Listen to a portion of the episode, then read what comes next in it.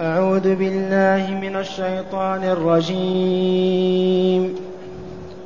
ولقد كانوا عاهدوا الله من قبل لا يولون الأدبار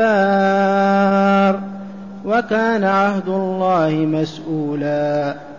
قل لن ينفعكم الفرار إن فررتم من الموت أو القتل وإذا لا تمتعون إلا قليلا. قل من ذا الذي يعصمكم من الله إن أراد بكم سوءا أو أراد بكم رحمة ولا يجدون لهم من دون الله وليا ولا نصيرا قد يعلم الله المعوقين منكم والقائلين لإخوانهم هلم إلينا ولا يأتون البأس إلا قليلا. أشحة عليكم فإذا جاء الخوف رأيتهم ينظرون إليك تدور أعينهم تدور أعينهم كالذي يغشى عليه من الموت. فإذا ذهب الخوف سرقوكم بألسنة حداد أشحة على الخير. أولئك لم يؤمنوا فأحبط الله أعمالهم وكان ذلك على الله يسيرا. معاشر المستمعين والمستمعات من المؤمنين والمؤمنات غزوة الأحزاب وتعرف بغزوة الخندق وتقدم السياق والحديث عنها وقعت وراء جبل سلع الموجود الآن. يقول تعالى ولقد كانوا عاهدوا الله من قبل لا يولون الأدبار وكان عهد الله مسؤولا. من هؤلاء؟ ضعاف الإيمان. المنافقون. لما فروا منهزمين من غزوة أحد في السنة الماضية قالوا لئن أحيانا الله وأشهدنا الله قتالا لنقاتلن في سبيل الله. وأعطوا الله هذا العهد. ولقد كانوا عاهدوا الله من قبل على ماذا؟ أنهم لا ينهزمون لا يولون الأدبار أبدا وكان عهد الله مسؤولا معهم ومع غيرهم. من عاهد الله على أن يفعل شيئا أو يترك شيئا يجب أن يفي بوعد الله. عهد الله يسأل عنه صاحبه غنيا كان أو فقيرا عالما أو جاهلا. من عاهد الله على شيء يجب ألا يخون. وآية المنافق ثلاث منها إذا عاهد غدر ما وفى. إذا هكذا يقول تعالى لرسوله والمؤمنين ولقد كانوا أي أولئك المرضى عاهدوا الله من قبل لا يولون الأدبار وكان عبد الله مسؤولا. قل لهم يا رسولنا لن ينفعكم الفرار من الموت أو القتل. والله ما ينفع. قل لهم يا رسولنا والمبلغ عنا لن ينفعكم الفرار إن فررتم من الموت أو القتل. إن فررتم من الموت تموتون من القتل تموتون. إذ لا حياة وبقاء في هذه الدنيا أبدا لا بد من الموت. وإذا لا تمتعون إلا قليلا. بعدما تهربون من القتال وتشردون وتخافون سوف تموتون. ولن تحيوا إلا أمدا محدودا ساعة أو أيام أو أشهر أعوام وتموتون. فلا معنى للفرار من الجهاد والهروب من قتال الكفار. لأن هؤلاء كما قلت لكم ضعاف الإيمان وأكثرهم منافقون. إن هزموا ما استطاعوا أن يقاتلوا. هكذا يقول تعالى لرسوله صلى الله عليه وسلم قل أي لهؤلاء المرضى لن ينفعكم الفرار إن فررتم من الموت أو القتل وإذا لا تمتعون إلا قليلا. سنوات محدودة أيام أشهر. ما في بقى ولا خلد في هذه الدنيا. فلهذا من العجب أن يفر الإنسان أن يفر من القتال. وهو واجب فريضة الله فرضها خشية أن يموت. وهل له وهل له أن يحيا أبدا؟ لا بد أن يموت. لأن يموت شهيدا. أفضل مليون مرة من أن يموت في مرضه وعلى فراشه. قل لن ينفعكم الفرار إن فررتم من الموت أو القتل وإذا لا تمتعون في هذه الدنيا بالأكل والشرب إلا أيام تنتهي حياتكم. ثم قال لرسوله صلى الله عليه وسلم قل لهم قل من ذا الذي يعصمكم من الله أن يحفظكم ويدفع عنكم إن أراد بكم سوءا أو أراد بكم رحمة؟ كيف تفرون من القتال وتتركون رسول الله والمؤمنين وحدهم؟ هاربين فارين من القتال. إذا أراد الله أن ينزل بكم نقمته عذابه الموت من يعصمكم من الله؟ لا أحد. من يرحمكم من الله إذا لم يرد بكم الرحمة. هكذا يذكرهم بالله عز وجل وبهذا تربوا ودخلوا في الإسلام. قل من ذا الذي يعصمكم من الله إن أراد بكم سوءا شيء يسيء إليكم تتأذون به مرض جوع فقر بلاء تصابون به أو يصيبكم برحمة من عنده. ولا تجدون لهم من دون الله وليا ولا نصيرا. حقا. هل يوجد نصير دون الله؟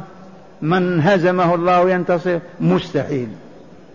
من لم يواله الله بل تركه الله وعاداه يجد وليا ينصره ويتولاه والله ما كان. ما هناك إلا الله يجب أن نواليه لتتحقق ولايتنا له وذلك بشيئين معلومين عند السامعين الإيمان والتقوى. يجب أن نوالي الله وأن نحققه وليا لنا وأن نكون أولياء له وذلك بشيئين بالإيمان الصحيح الذي جاء في الكتاب الكريم وعلى لسان سيد المرسلين والتقوى التي هي الخوف من الله الذي يحمل الخائف على أن لا يعصي الله ورسوله أبدا لا بترك واجب ولا بفعل حرام. إذ قال تعالى في بيان أوليائه ألا إن أولياء الله لا خوف عليهم ولا هم يحزنون. من هم؟ الذين آمنوا وكانوا يتقون. أيما مؤمن ذكر أو أنثى عربي عجمي آمن حق الإيمان واتقى الله لم يعصي ولم يخرج عن طاعته إلا ووالله إنه لولي الله. ثم قال تعالى يقول لهؤلاء المنافقين ضعفة الإيمان قد يعلم الله المعوقين منكم والقائلين لإخوانهم هلم إلينا ولا يأتون البأس إلا قليلا. هؤلاء الطابور الخامس كما يعرف في الاصطلاح. هؤلاء يعوقون المجاهدين لما تقاتل؟ ما الفائدة؟ كيف ينتصر محمد؟ هذه الجيوش من الشمال والغرب والجنوب كذا معوقين. وعلمهم الله وعرفهم وهو خالقهم يخبرهم بما هو واقع. قد يعلم الله المعوقين عن إيش؟ عن الجهاد عن القتال حتى ما يخرجوا من بيوتهم إلى جبل سلم مع رسول الله والمؤمنين. قد يعلم الله المعوقين منكم والقائلين لإخوانهم في النفاق والكفر هلم إلينا تعالوا طلبوا منه أن ينزلوا من من سلع ويأتون إلى بيوتهم بالمدينة. هلم إلينا ولا يأتون البأس إلا قليلا. ما يخرجون مع الرسول في كل غزوة. إلا إذا كانت الغزوة عامة فقط. ما عدا ذلك ما يخرجون. ولا خرج من واحد في بدر. ولا يأتون البأس إلا قليلا. والبأس هو القتال والحرب. ثم قال تعالى مخبرا عنهم أيضا أشحة عليكم. أشحة جمع شحيح أشحة عليكم. الجبن والشح مرضان لا نظير لهم. جبنا من جهة وأشحة ما يساعدون لا بدرهم ولا بحفن التمر. والمؤمنون يبذلون ويزيدون. أشحة عليكم يا أيها الرسول ويا أيها المؤمنون فإذا جاء الخوف رأيتهم ينظرون إليك تضوء أعينهم كالذي يغشى عليه من الموت. إذا طوقت المدينة وجاءت الأحزاب من كل جهة ينظرون إليك تضوء أعينهم كالذي يغشى عليه من الموت. على سبيل الموت كيف هو؟ فإذا ذهب الخوف أي ذهب ما يخافون منه من قتال المشركين سلاقوكم بألسنة حداد. قطعوكم مزقوكم بالكلام. بألسنة حداد والعياذ بالله. أشحة على الخير. ما يبذلون ولا درهم ولا دينار أبدا. وإن بذلوا يوم الأيام من أجل أن يراءوا بذلك حتى لا يقال منافقون ولا كافرون. أولئك البعداء. من كل خير من الإيمان وساحة المؤمنين أولئك لم يؤمنوا فأحبط الله أعمالهم. وهل الكافر يقبل منه عمل صالح لو جاهد لو رابط لو أنفق لو بنى مسجدا لو كذا ما يثاب على ذلك أبدا. لأن الشرك محبط العمل. فأحبط الله أعمالهم وكان ذلك على الله يسيرا. معاشر المستمعين أسمعكم شرح الآيات من الكتاب. لنزداد بصيرة وعلما. ما زال السياق الكريم في عرض أحداث غزوة الأحزاب. متى كانت في السنة؟ الخامسة.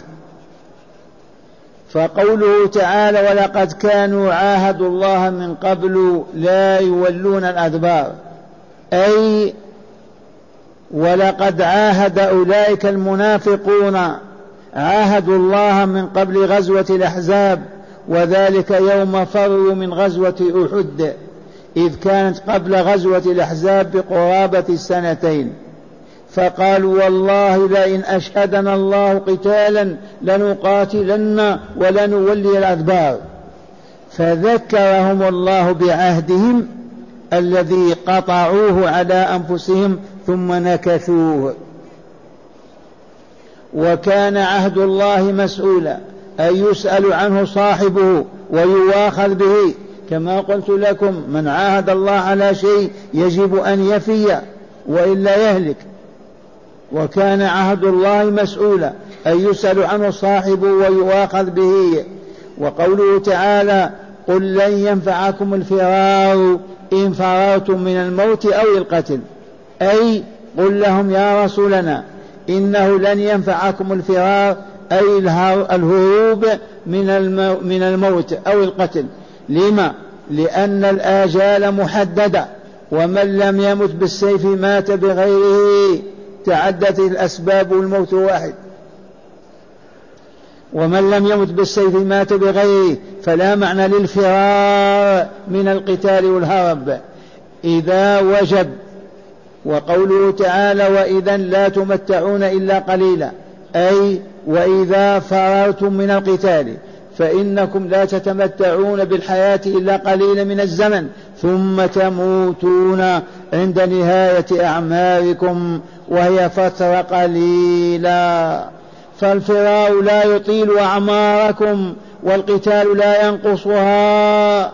وقوله تعالى قل من ذا الذي يعصمكم من الله إن أراد بكم سوءا أو أراد بكم رحمة أي قل لهم يا رسولنا تبكيتا لهم وتأنيبا وتعليما أيضا. من ذا الذي يعصمكم من الله أي, أي أن يجيركم ويحفظكم من الله إن أراد بكم سوءا أي ما يسوءكم من بلاء وقتل ونحوه.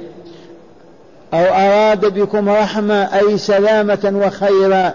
فليس هناك من يحول دون الله من يحول دون وصول ذلك إليكم لأن الله تعالى يجير ولا يجار عليه وقوله تعالى ولا يجدون لهم من دون الله وليا ولا نصيرا. أي ولا ولا يجد المخالفون لأمر الله العصاة العصاة لله ولرسوله. لا يجدون من دون الله وليا يتولاهم فيدفع عنهم ما أراد الله بهم من سوء ولا نصيرا ينصرهم إذا أراد الله إذلالهم وخذلانهم لسوء أفعالهم. وقوله تعالى في الآية في هذا السياق قد يعلم الله المعوقين منكم. أخبرهم تعالى بأنه قد علم المعوقين أي المثبطين عن القتال والمخالفين بما يق... والمخ والمخذلين والمخذلين بما يقولونه سرا في صفوف المؤمنين كالطابور الخامس في الحروب. وهم أناس يذكرون في الح... وهم أناس يذكرون في في الخفاء يذكرون في الخفاء في الليل والظلام فيما بينهم عظمة العدو وقوة العدو يرهبون بذلك ويخذلون عن قتاله. وقوله تعالى والقائلين لإخوانهم هلم إلينا أي تعالوا إلينا إلى المدينة واتركوا محمدا وأصحابه يموتون وحدهم. فإنهم لا يزيدون عن أكلة جزور, عن أكلة جزور. وقوله تعالى ولا يأتون البأس إلا قليلا. أي ولا يشهد القتال أي ولا يشهد القتال ويحضره أولئك المنافقون المثبطون والذين قالوا إن بيوتنا عورة إلا قليلا. إن بيوتنا عورة إلا قليلا إذ يتخلفون في أكثر الغزوات. وإن حضروا مرة قتالا فإنهم هم فإنما هم يدفعون به يدفعون به معارة التخلف ودفعا لتهمة النفاق التي هم أهلها متصفون بها. وقوله تعالى أشحة عليكم وصفهم الله تعالى بالبخل بعد وصفهم بالجبن وهما شر صفات العبد أي الجبن والبخل والعياذ بالله. أشحة عليكم أي بخلاء لا ينفقون معكم لا على الجهاد ولا على العباد والفقراء والمحتاجين. وقوله تعالى فإذا جاء الخوف أي بسبب هجوم العدو رأيتهم أيها الرسول الكريم ينظرون إليك لائذين بك تدعو أعينهم من الخوف كأن كالذي كالذي يغشى عليه من الموت وهو المحتضر يغم يغمى عليه لما يعاني من سكرات الموت. وهذا تصوير هائل لمدى ما كان ما عليه المنافقون من الجبن والخوف. وعلة هذا هو الكفر والعياذ بالله وعدم الإيمان بالقضاء والقدر والبعث والجزاء. وقوله تعالى فإن فإذا ذهب الخوف أي راحت أسبابه بانتهاء الحرب سلقوكم بألسنة أي سلقكم أولئك الجبناء عند اللقاء أي ضربوكم بألسنة ذري بألسنة ذربة ذربة حادة كالحديد كالحديد بالمطالبة بالغنيمة أو أو بالتبجح الكاذب. مرة ثانية أقول وقوله تعالى فإذا ذهب الخوف سلقوكم. أي إذا راحت أسباب الخوف بانتهاء الحرب. سلقوكم بألسنة أي سلقكم أولئك الجبناء عند اللقاء. أي ضربوكم بألسنة ذربة حادة كالحديد كالحديد بالمطالبة بالغنائم أو الغنيمة أو أو بالتبجح. الكاذب بأنهم فعلوا وفعلوا وفعلوا وهذه حالهم إلى يوم القيامة. حال المنافقين إلى يوم القيامة. وقوله تعالى أشحة على الخير أي بخلاء على مشارع الخير.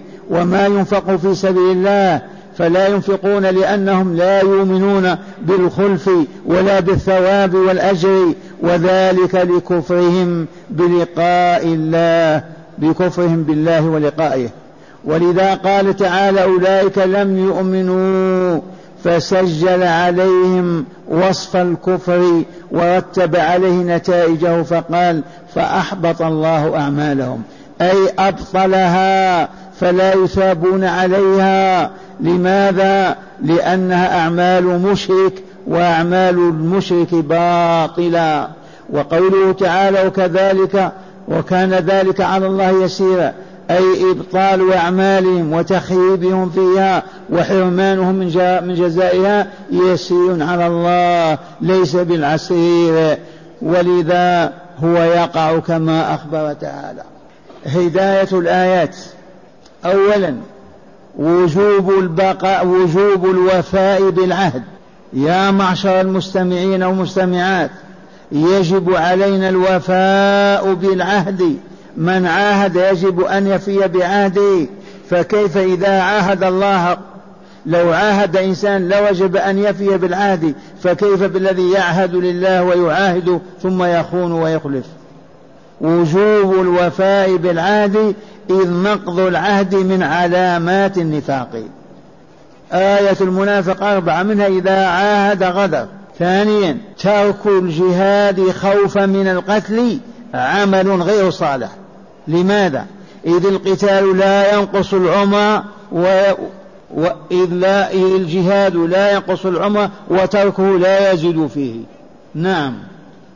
ترك الجهاد خوفا من القتل عمل غير صالح. لماذا؟ إذ القتال لا ينقص العمر أبدا محدود العمر. وترك القتال يزيد في العمر والله ما يزيد ولا ساعة. ثالثا الشح والجبن من صفات المنافقين وهما شر الصفات في الإنسان. نسأل الله أن لا نتصف بهما. الصفة الأولى الشح وهو المنع والبخل والبخل. والثانية الجبن والعياذ بالله تعالى والخوف من غير الله. رابعا الثرثرة وكثرة الكلام والتبجح بالأقوال من صفات أهل الجبن والنفاق. الثرثرة في الكلام وكثرته والتبجح بالأقوال نفعل كذا من صفات أهل الجبن والنفاق. خامسا الكفر محبط للأعمال كما علمنا. الكافر لو يبني ألف مسجد ما يدخل الجنة. لو يطعم ألف ألف ألف ألف فقير مؤمن والله ما يدخل الجنة. لماذا؟ للقاعدة العامة. الكفر يحبط العمل. ما دام كافر لا يقبل الله منه عملا والآن مع بعض الأسئلة. بسم الله والحمد لله والصلاة والسلام على رسول الله.